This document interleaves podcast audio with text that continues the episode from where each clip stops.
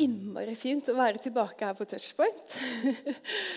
Kjempefint å se dere alle sammen. Hei! Altså, Touchpoint er et arbeid som har ligget veldig nært mitt hjerte i mange år. Og jeg både håper og tror at dere har det veldig bra her. Det ser sånn ut. Jeg sto og tenkte mens vi lovsang sånn Åh, så heldige vi er! Vi kan stå her og ha fellesskap med hverandre og Jesus helt fritt. Det er liksom ikke noe selvfølge i dag lenger. Så jeg fikk sånn her, åh, bare lyst til å takke, på en måte. Eh, jeg heter Hanna, som du vet, og jeg jobber her i kirka som barne- og familiepastor. vanligvis. Jeg pleier å tale litt her på Touchpoint iblant, men akkurat i høst har jeg vært mer opptatt med å spy og sove og synes synd på meg selv, så jeg har hatt en pause. For vi skal nemlig ha gutt nummer tre i mai. Ja. Jeg sa det bare for å få forbønn, for det jeg trenger mest. Men Derfor tenkte Marius at det var fint at det var jeg som tok kveldens tema. For jeg har så innmari mye erfaring. For du vet hva de sier? Tre barn sex tre ganger. Iallfall det man håper om foreldrene sine. ikke sant? Altså, jeg er ikke sånn superkomfortabel med å snakke om sex i en kirke. Og egentlig ikke om å snakke om sex i det hele tatt. Og selv om vi har snart tre barn, og jeg ikke er sånn superkomfortabel med å være gravid, så har faktisk det aller verste med å bli foreldre vært å måtte fortelle mamma og pappa at vi skal ha baby. For da vet vi hva vi har gjort, ikke sant? Det er faktisk helt sant. Og som jeg opp og til går inn på den magen her, som liksom gnir det inn hver gang vi møtes. Jeg syns det er helt krise. Uh, altså, Der er jeg. Jeg vet ikke hvor du er, men det er iallfall meg og dette temaet. Og i kveld så skal vi igjen snakke om sex, og hva i alle dager det har å gjøre med kristen tro. Og er du ny her, så velkommen til deg. Det er en fin kveld å være her på. Uh, touchpoint er bra. Og så har jeg lyst til å si at jeg møter dette temaet med innmari mye respekt. For her inne så fins det altså like mange historier knytta til temaet sex som det fins mennesker, tror jeg. Altså fine, kjempefine og flotte historier, sikkert. Men kanskje også veldig vonde og fæle opplevelser. Og masse følelser. ikke sant? Skam, savn, usikkerhet, lengsel, frustrasjon. Så jeg håper at vi kan bli enige og lage en avtale om at vi møter dette temaet uansett hvem vi er og hvor vi kommer fra i kveld, med ærlighet og ydmykhet og så mye nåde. Er det deal? Ja, det er bra. Altså, Vi skal inn i Bibelen, som vi tror er Guds ord til oss. Uansett hvordan tiden ser ut, og uansett hvordan samfunnet vi lever i, ser ut. Det er ganske rad. Og I kveld så skal jeg si noe om hva Bibelen i sin helhet på en måte sier om seksualitet og 6. Og Da må vi tilbake til både begynnelsen og Det nye testamentet. Det skal vi innom i dag. Og vi skal innom kjapt, for det er jo bare en liten tale på touchpoint. Vi får på en måte bare skrapt litt i overflaten. Så jeg har lyst til å si sånn på tampen av denne taleserien at Hvis du ikke har lest boka 'Nakne uten skam' av Stefan Gustafsson, som vi har henta masse innspo til til denne taleserien, så anbefaler jeg deg å gjøre det. Og hvis du er en sånn som aldri leser bøker, så kommer du til å klare å lese den. For den er veldig lettlest, den er spennende, og så har den svar på spørsmål som jeg er helt sikker på at du ikke tør å stille din beste venn. Så hvis du har vært her de to siste torsdagene, så har du hørt både Marius og Stefan Gustavsson in person snakke om tema sex på ulike måter. Og jeg kommer ikke helt unna å recappe noe av det som Marius snakka om forrige gang. For det er på en måte hele grunnmuren i det jeg skal si også. Så vi skal tilbake til begynnelsen. Og vi leser fra første Mosebok kapittel 1 vers 27 hvis du har med deg en bil eller mobibel. At Gud skapte mennesket i sitt bilde. I Guds bilde skapte han dem. Gud velsignet dem og sa til dem, vær fruktbare og bli mange. Fyll jorden og legg den under dere. Og Her ser vi altså hvordan alt starter. Gud skaper oss, og så sier han det første som vi kan ane i Bibelen om sex. Vær fruktbare, bli mange. Altså ha sex.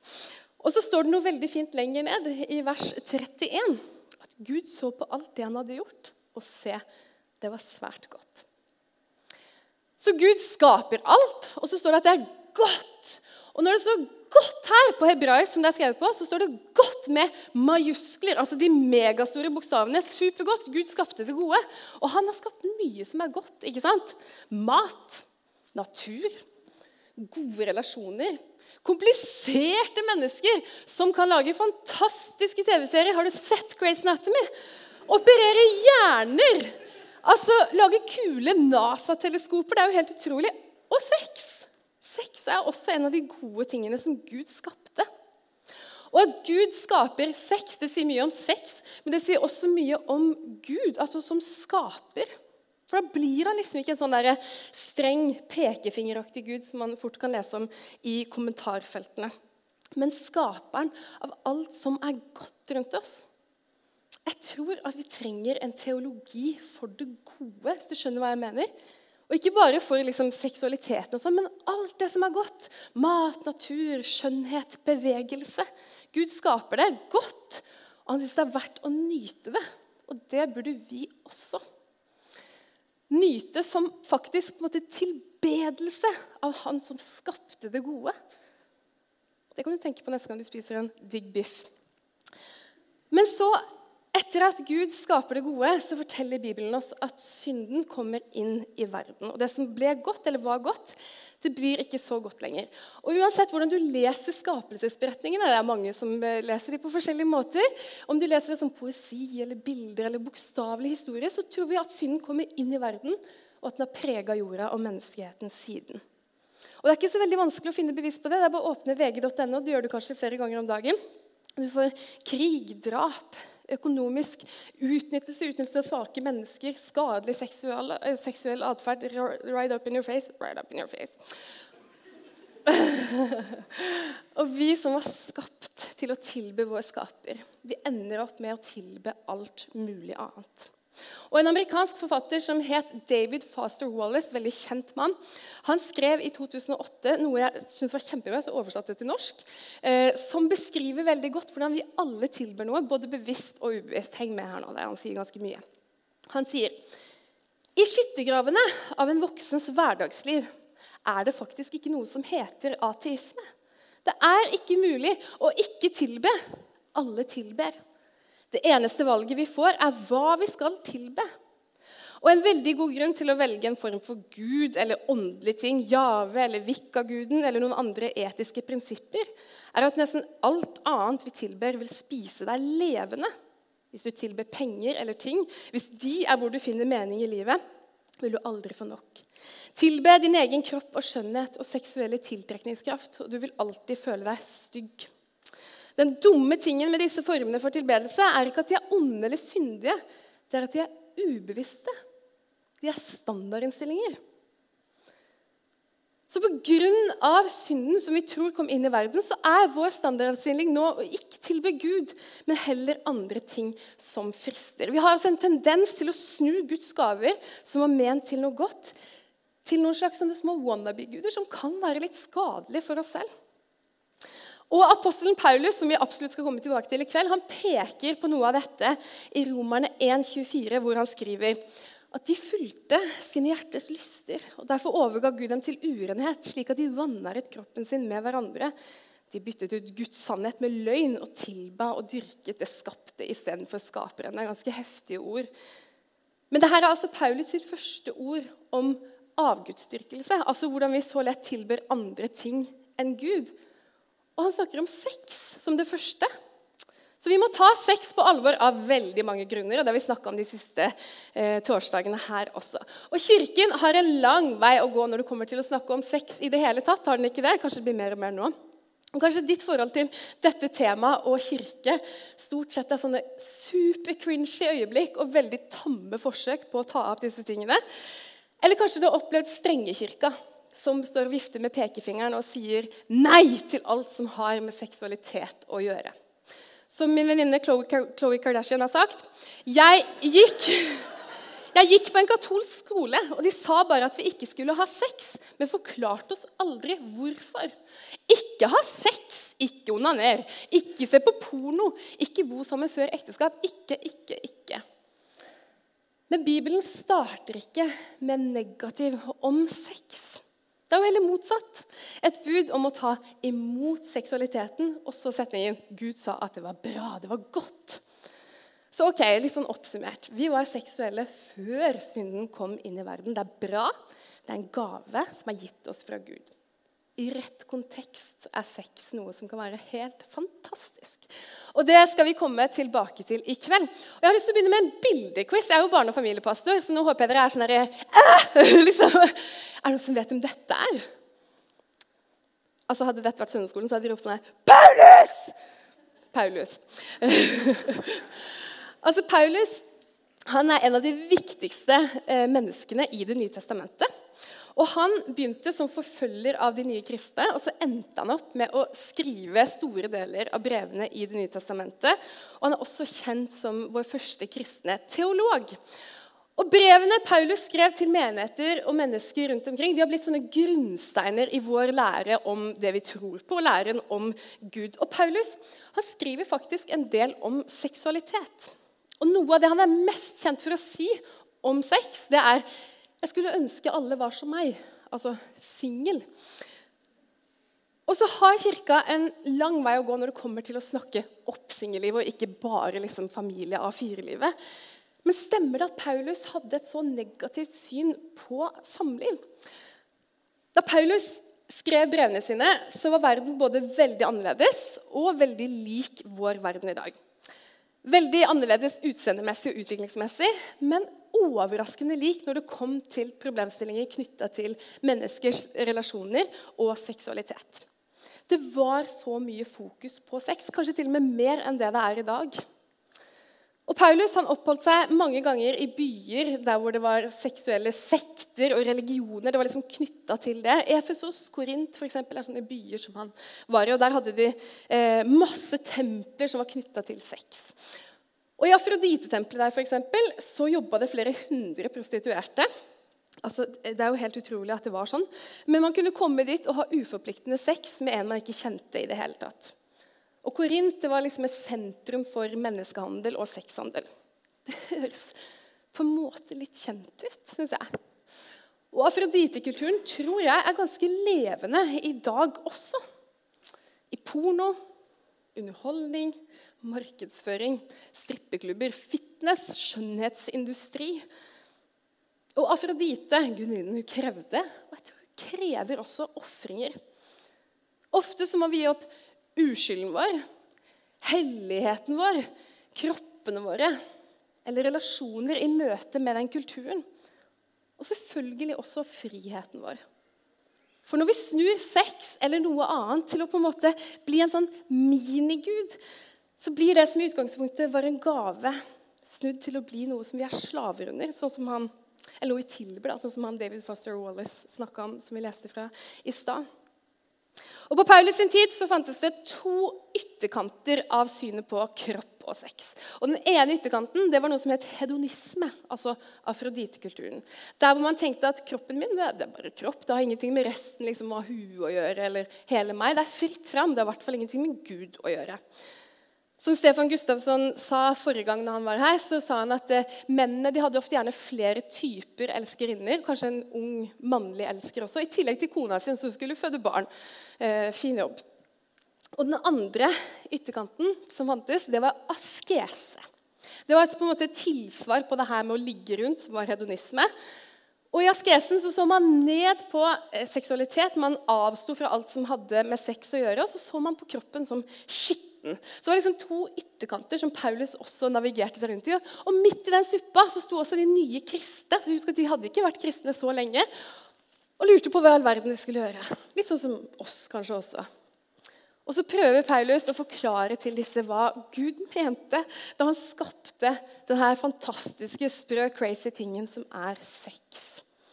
Og Vi skal lese noe av det Paulus skrev nå. Og Først så korrigerer på en måte Paulus oppfatningen til disse korinterne av kroppen. Liksom både det asketiske synet og hedonistiske synet. Og så leverer han også en sånn drop the mic-utlegning av sitt syn på seksualitet. Skal vi inn i 1. Korinterbrev, kapittel 1, nei, 6, vers 12-20.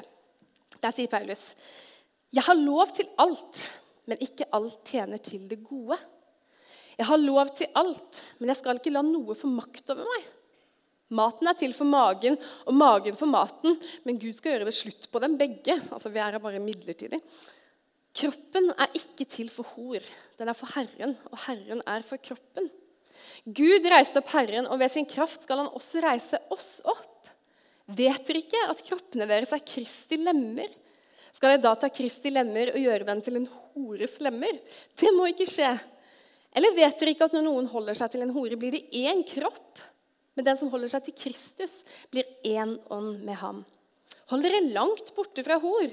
All synd som et menneske gjør, er utenfor kroppen. Men den som driver hor, synder mot sin egen kropp. Vet dere ikke at kroppen deres er et tempel for Den hellige ånd som bor i dere, og som er fra Gud? Dere tilhører ikke lenger dere selv. Dere er kjøpt og prisen betalt. Bruk da kroppen til Guds ære. Hang dere med? Ja. Utgangspunktet til Paulus her er at ikke alt tjener til det gode. Det fins eh, gode og dårlige måter å leve på som gjør at vi må tenke og ta valg deretter, også seksuelt. Og så kan det jo på en måte virke litt på språkbruken til Paulus. som bruker her, at det er akkurat som at Han sier at seksuell synd er litt verre enn andre synder. Han snakker om den andre synden som er på en måte utenfor kroppen. Og Det er ikke for at Gud misliker det mer eller dømmer det strengere eller liker meg mindre hvis jeg gjør det. Men å behandle sex som noe hvilket som helst på en måte uten å tenke gjennom konsekvensen av det, kan kanskje påvirke oss verre enn andre ting vi gjør, som bommer litt på målet. Fordi det sårer oss selv. Det sårer hele kroppen og sjelen hvis vi misbruker det, og på et dypt nivå som gjerne kan følge oss gjennom et helt liv. Så denne mektige og veldig sånn sammenspleisende tingen den kan også være ganske kjip og påvirke oss negativt om vi misbruker det. Og Paulus han snakker jo mot hedonisten og asketen. som jeg nevnte her i sted. Han snakker mot asketen når han sier kroppen er så bra at den er tempel for Den hellige ånd. Altså, Det fins jo ikke noe høyere syn på kroppen enn det. Og så snakker han mot hedonisten når han setter grenser. For det er et sånn kjempegammel tanke at kroppen og sjelen er to helt forskjellige ting, og at jeg kan bare gjøre hva jeg vil med kroppen uten at det påvirker hele meg. Og så har vi jo 1000 millioner eksempler på at det ikke stemmer. ikke sant? Og jeg kan bare si hashtag metoo.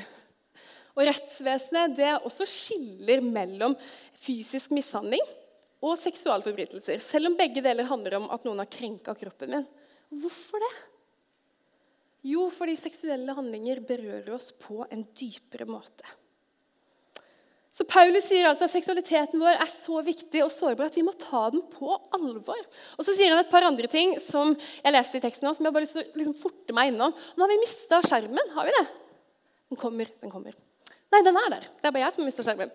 Han sier at kroppene våre er et tempel for Den hellige ånd. Altså, Som kristen så har du fått Den hellige ånd inni deg. Selv om du kanskje ikke føler alltid, selv om det ikke ser, sånn, eller det ser som alle andre har mer hellig ånd enn deg, så har du hvis du har tatt imot Jesus, fått Den hellige ånd. Altså, det er som at Guds adresse er deg. Hele deg tilhører Gud. Du er født på ny. Og du er kalt til å gi Han ære i alle aspekter av livet ditt. Og faktisk også med kroppen. Og Det er en ganske tydelig beskjed fra Paulus om at kroppen er viktig. Den må passes på. Og så sier han at kroppen vår er Kristi lemmer. Vi representerer Jesus her på jorda når vi er kristne. Og så betydningsfulle er kroppene våre at det står at de en gang skal reises opp igjen når Jesus kommer tilbake og verden skal bli ny. Det er ikke bare kropp, sier Paulus. Og Det andre han sier, som jeg har lyst til å liksom være litt i, det er at sex knytter oss sammen. Bombe. Men Paulus tar opp det her med at sex bare er noe fysisk når han sier vet dere ikke at når noen holder seg til en hore, så blir de én kropp. Og Her så peker han på afrodite-tempelkulturen, hvor et av tilbedelsesritualene var altså å komme til tempelet og ha sex med en prostituert. Så hadde du vært og tilbedt. Det var gudstjeneste. Og så sier han vet dere ikke at det er noe mer enn bare det? Det er noe mer enn bare det fysiske. Man blir det har med sjelen å gjøre, og det knytter oss sammen på et dypere nivå, sånn som Gud designa det. Det er jo en ganske tydelig beskjed i vår kultur også, der hvor liksom 'friends with benefits', et ligg, 'one night stands' er liksom begreper som barn er kjent med helt fra barneskolealdra. Når liksom sex blir en forbruksvare, og vi blir forbrukere helt uten makt noen ganger, føles det ut som. Kanskje du kjenner at det lugger litt når jeg snakker om disse tingene. For kanskje noen har tråkka over dine grenser og krenka deg skikkelig. Du har gjort at du har følt deg objektivisert. Eller kanskje du har den holdningen selv at sex og andre de er til for meg, sånn at jeg kan få gjøre hva jeg vil. Men Paulus minner oss om at dette er eksklusivt og godt. Din seksualitet er knytta til sjelen din. Og Hvis du behandler det uten respekt og som noe som bare er fysisk, så sårer du deg selv og potensielt andre også. Det er akkurat som at vi, må forstå hva Gud skapte sex for, hvorfor Gud skapte sex. Og nøkkelen ligger i tittelen til denne taleserien, tror vi. Og Pastor og forfatter av boken 'Kropp', Erik Andreassen, han sier noe fint. Han sier at å være nakne uten skam er å kunne stå foran den andre og si 'Her er min kropp. Her er mine følelser. Her er mine meninger og tanker. Her er min historie med all min frykt, mitt håp, mine lengsler, mine drømmer og mine feil.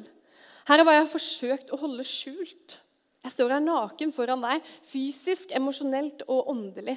Men i din nærhet føler jeg meg elsket, akseptert og satt pris på. Og Det er det synet på liksom, nakenhet, kropp og sex som Bibelen er opptatt av, og som Paulus også prøver å minne oss på. At Gud har gitt oss denne sprø gaven som må håndteres med varsomhet. Og Han som kjenner oss best, han vil det beste for oss. Og han vil at vi skal ha det bra med oss selv fra hue til bein. Og fordi Gud skapte seksualiteten god og med en hensikt, Og fordi sex er sårbart og så mye mer enn bare noe fysisk. Og fordi sex er potensielt noe som kan lage mennesker, så trenger vi rammer for å beskytte det. Vi tror at Gud elsker oss med veldig stor kjærlighet. Det er det vi synger om her. Det er derfor vi har touchpoint. Og fordi Guds kjærlighet er permanent og trofast. Og fordi vi er skapt i hans bilde, som vi har snakka masse om disse ukene, skapt til å på en måte vise samme kjærlighet og sinnelag som Gud, når vi er skapt i hans bilde, så tror vi at, at eh, sex best hører til i et ekteskap. Der man kan få vise den samme ubetinga og trofaste kjærligheten til hverandre som Gud viser til oss. Og Forskning viser at nettopp i ekteskapet så får sex lov til å bli det som Erik Andreassen beskrev det som, en sånn gave som man i tillit kan gi og få i form av fysisk og psykisk og emosjonell nakenhet og nærhet. Og Nyere forskning fra Wall Street Journal sier at ekteskapet er den tryggeste og varigste formen for samliv. Og at nettopp ekteskap, gjerne uten samboerskap først, gir best vekstvilkår for et langt og livsvarig forhold. Og En psykolog ved universitetet i Denver som heter Galina Rhodes, hun sier at hun knuser noen myter, vil jeg også si. Hun sier at vi tenker vanligvis at mer erfaring er bedre. Men det vi ser i parforhold, er motsatt. Å ha mer erfaring er relatert til å ha et mindre lykkelig ekteskap senere. Og det er bare to stykk. Og så finnes det innmari forskning, mye forskning som sier at nettopp gifte mennesker har bedre sex, de har bedre mental helse, de lever lenger, de har mindre stress. Det vet jeg ikke helt med. Men, så da er det kanskje litt lettere å forstå hvorfor kristne alltid skal koble sex og ekteskap sammen. Vi må liksom spørre oss hva er det som skjer når man har sex. Hva er sex? Og så er det jo tusen svar på det. Det ene svaret kan være det er digg, det er nytelse. på en måte. Jeg trenger ikke å gjøre det mer big deal ut av det enn som så. Og det andre man kan si, det er at eh, det er et uttrykk for følelser. Det knytter oss sammen. Vi elsker hverandre, vi vil være nær hverandre. Vi trenger ikke å gifte oss for det. Men det kristne svaret på hva som skjer når man har sex, det er at det er, en måte, det er, tegn, det er tegn på en enhet en manifestasjon på tilhørighet. på en måte. Et tegn på en hellig pakt som vi tror det er inngått mellom to mennesker. Der man på en måte med kroppene sine kan si det samme som man har lovt hverandre i en vielse. Og kanskje de syns det er et litt sånn høytidelig og kjipt nesten litt sånn ekkelt syn på sex å tenke på det som et tegn på en pakt. på en måte. Men vi tror det er det. Og vi tror at ekteskapet er der hvor kan, sex kan få lov til å best bli det som Gud skapte det til å være. Ja, ja, ja, så bla, bla, bla, ekteskap igjen, tenker du kanskje. mye snakk om det i kirka. For det er så mye lettere for mange å si enn å gjøre når man snakker om ekteskap og sex. Og Statistikker her fra landet viser at vi må være ærlige om at det er vanskelig. Avisen Vårt Land gjorde for noen år siden en undersøkelse av mange unge kristne. der de på liksom, seksuallivet deres og sånn. Og Det viser seg at majoriteten av disse som de på, hadde hatt sex før ekteskapet. Og Jeg vet hvordan det er med de jeg er med, og du vet hvordan det er med deg og de du er med. Vi har liksom et ideal her, vi har noe vi vet er godt. Og så ser ofte virkeligheten litt annerledes ut for mange. Så hvor begynner vi? Hvordan møter vi det her med livene våre og historiene våre sånn som de er? Så tenker jeg hva med å spørre Gud hvordan du best i din livssituasjon kan ære Han med din kropp, med din seksualitet? Altså Det kan føles umenneskelig kleint å skulle på en måte inkludere Gud i noe sånt. Men jeg tenker, han skapte deg, han kjenner deg mye bedre enn noen andre. Han skapte seksualitet. Så prøv. Hvis du er i et forhold, så snakk med hverandre om det her.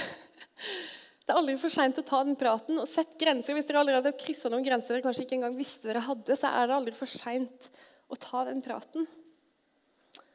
Og når statistikkene viser at det er så mye lettere å snakke om å holde sex i ekteskapet enn å faktisk gjøre det, så tenker jeg at vi gjør veldig bra i å holde oppmuntringen høy og fordømmelsen lav, for vi tror dette er veldig viktig. Noen har sagt veldig klokt at kirken er ikke et museum av helgener. Den er et sykehus for syndere. Det er aldri for sent å begynne på nytt. Å etablere noen gode grenser der hvor du er og ser framover og tenker liksom, hva er viktig for meg å ta med inn i et ekteskap hvis du ønsker å gifte deg en gang. Hvordan kan jeg sette gode rammer rundt min seksualitet der hvor jeg er nå? Både i ekteskap, kanskje, i forhold eller som singel. Hvordan kan du ta imot din seksualitet som en gave? på en måte? Jeg tror det kan være viktige spørsmål å stille seg selv i møte med dette temaet, uansett hvem du er og, og hvor du kommer fra. Men jeg, har lyst til å si at jeg tror det viktigste du kan gjøre, det er å komme til Jesus og legge det hos han. For Jesus er evangeliet. Han er godt nytt. Han er ikke afroditkulturen, penger eller anerkjennelse eller noe annet. Han kan bryte alle lenker alle bånd, avhengigheter. Han kan sette deg fri.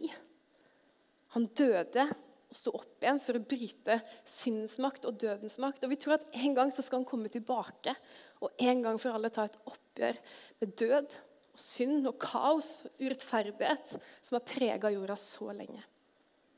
Og Så kan du være en del av det da, men du kan også være en del av det nå.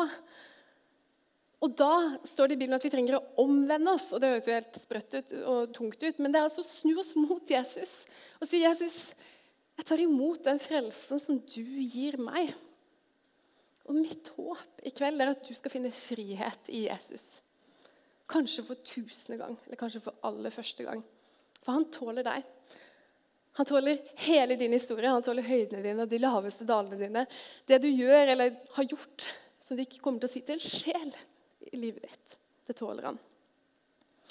Og jeg har lyst til å lande denne talen i kveld med å lese en historie fra Lukas kapittel 7. Orker dere det? Bibelhistorie nå? Er dere på? Som jeg tror jeg skal lese.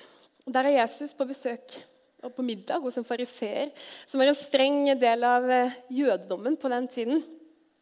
Og så står det at I byen der de var på middag, så bodde det en kvinne som hadde levd et syndefullt liv. Og Det kan godt ha vært med seksuell synd. Og Så hører hun at Jesus skal komme. Så tar hun med seg en sånn dyr salve som hun har lyst til å gi til Jesus. Jeg skal lese fra kapittel 7, vers 38. Om hun kvinnen. Hun stilte seg bak Jesus nede ved føttene og gråt. Så begynte hun å fukte føttene hans med tårene og tørket dem med håret sitt. Hun kysset føttene hans og smurte dem med salven. Da fariseeren som hadde innbudt ham, så det, tenkte han med seg selv. Var denne mannen en profet? Ville han vite hva slags kvinne det er som rører ved ham, at hun fører et syndefullt liv?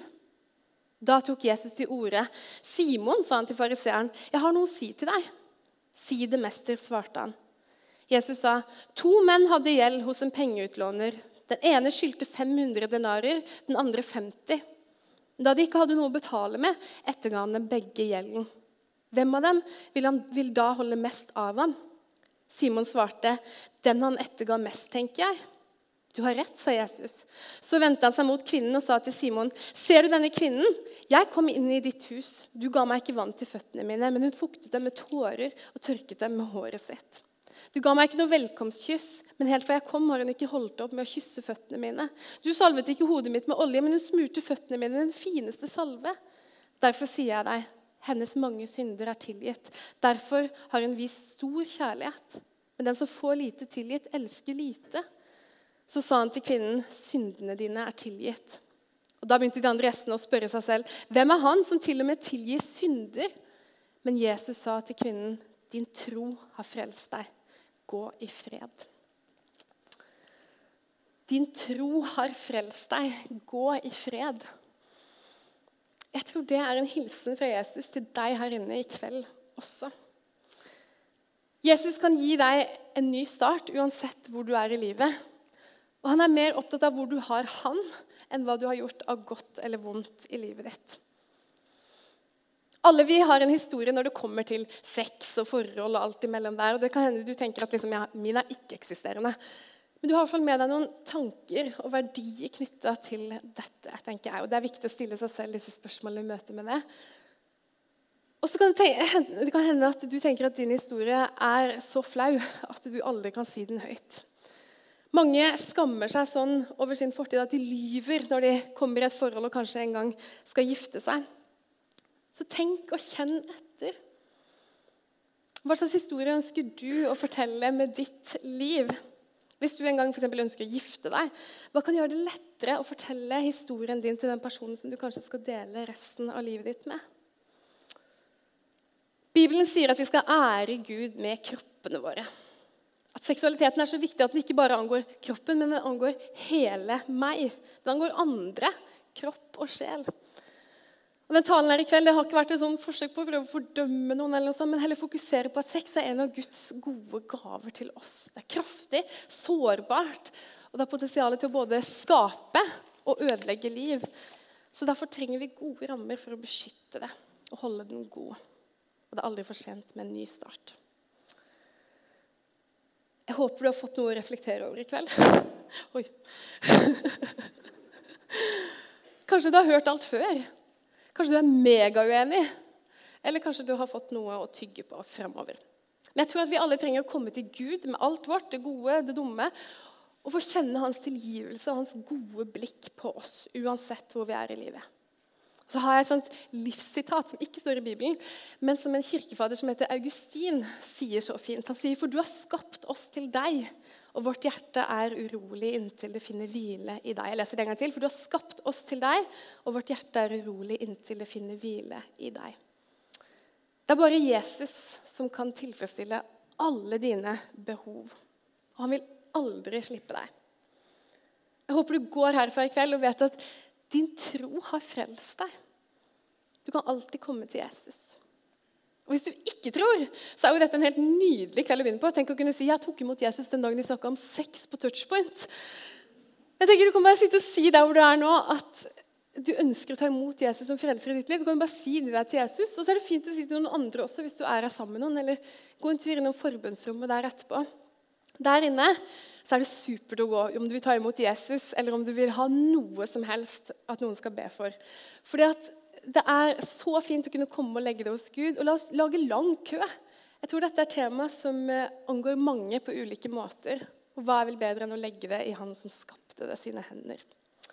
Så la oss gå inn der og bli bedt for i kveld. Og la oss be sammen nå. Yes. Gud, takk for at du skapte noe så kult og fantastisk som oss kompliserte mennesker. Med alt det innebærer. Og så skapte du også seksualiteten, og du skapte det godt. Hjelp oss til å ære det. Og hjelp oss til å snakke mer åpent om det her og oppmuntre hverandre til å ta vare på det og holde det så bra som du ønsker. Og Takk for at vi er skapt i ditt bilde, og at du ser på oss og så jubler du og tenker han der eller hun der, de er så bra. Uansett hva vi selv tenker. Og Gud, takk for at du vil vårt beste i alle aspekter av livene våre. Så har jeg lyst til å be deg for alle her inne som syns at sex og forhold og alt det der er såre vanskelige tema. Jeg syns du brøt alle lenker ved din døde oppstandelse.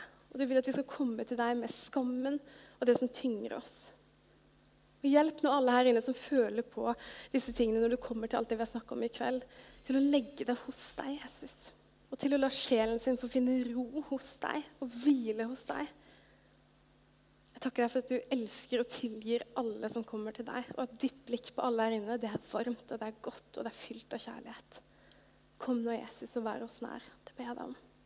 Så ber jeg deg om at gode samtaler både i vennskapsforhold og kjæresteforhold og alt midt imellom skal bli skapt fra denne taleserien. Den må være til velsignelse og glede for mange. Jeg ber deg om Jesus. Amen.